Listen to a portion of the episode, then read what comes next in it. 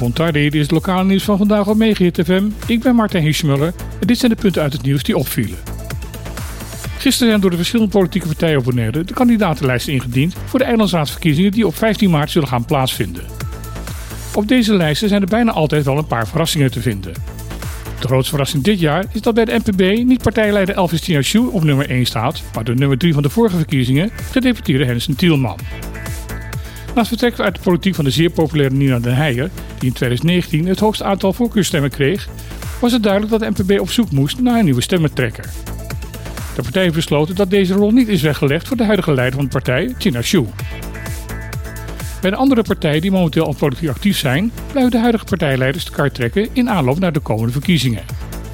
Bij de UPP is James Kroon, bij de PDB Clark Abraham en bij de nieuwkomer M21 is er ook geen verrassing. Daar staat de naam van oprichter van de partij, Daisy Koffie, bovenaan.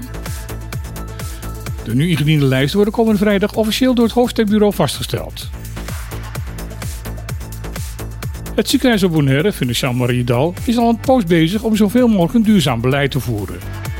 Zo zijn er zonnepanelen op het dak geplaatst en werd er eind vorig jaar bekendgemaakt dat er voor de dienstauto's van het ziekenhuis overgestapt gaat worden naar elektrisch vervoer. Nu heeft Financial Mariedal het certificaat Blue Destination mogen ontvangen.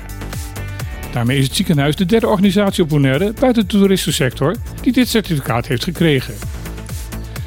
Naast een actieve rol bij de verduurzaming van de samenleving zegt het certificaat ook iets over de manier waarop de organisatie omgaat met eigen personeel en de klanten of cliënten. Naast de zorg voor de eigen organisatie neemt Mariedal ook deel aan de maatschappelijke discussie over hoe Bonaire naar een duurzame toekomst geleid kan worden. Op Sabe is een pilotproject gestart om vissers en veehouders extra te ondersteunen. Dit is nodig omdat de laatste tijd steeds meer vissers en boeren in problemen zijn gekomen. Dit komt door de grote prijsstijgingen het afgelopen jaar. De laatste tijd zijn de brandstofprijzen flink gestegen en daardoor ook de prijzen van heel veel andere artikelen. Dat telt flink door omdat er ongeveer alles op Saba moet worden geïmporteerd. Vissers hebben daardoor niet alleen het probleem dat de diesel voor hun boten bijna onbetaalbaar is geworden, maar ook dat de prijs voor het aas waarmee ze vissen in een jaar tijd is verdubbeld.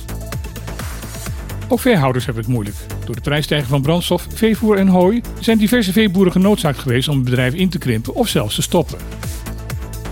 Omdat de overheid van Saba lokale productie van levensmiddelen wil stimuleren, hoeven veehouders en vissers geen ABB meer te betalen en kunnen ze een subsidie krijgen om de verzendkosten voor hun benodigdheden te betalen. De proef duurt zes maanden en zal daarna geëvalueerd worden. Het land Curaçao is de afgelopen 10 jaar 23% armer geworden.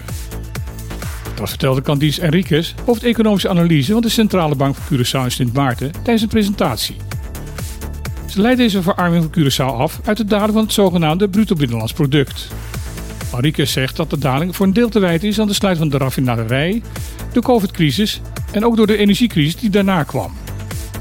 Sinds 2021 is de verblijfstoerisme weer sterk aan het herstellen, maar is nog niet op het niveau van voor 2020.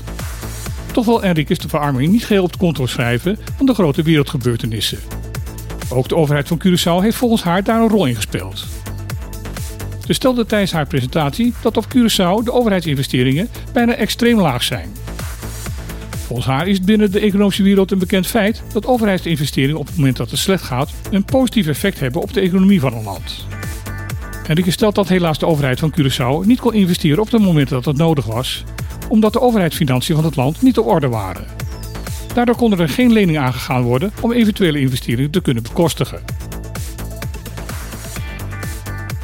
Dit was weer het lokale nieuws van vandaag op Megahit FM. Ik wens iedereen nog een hele mooie dag en dan graag weer tot morgen.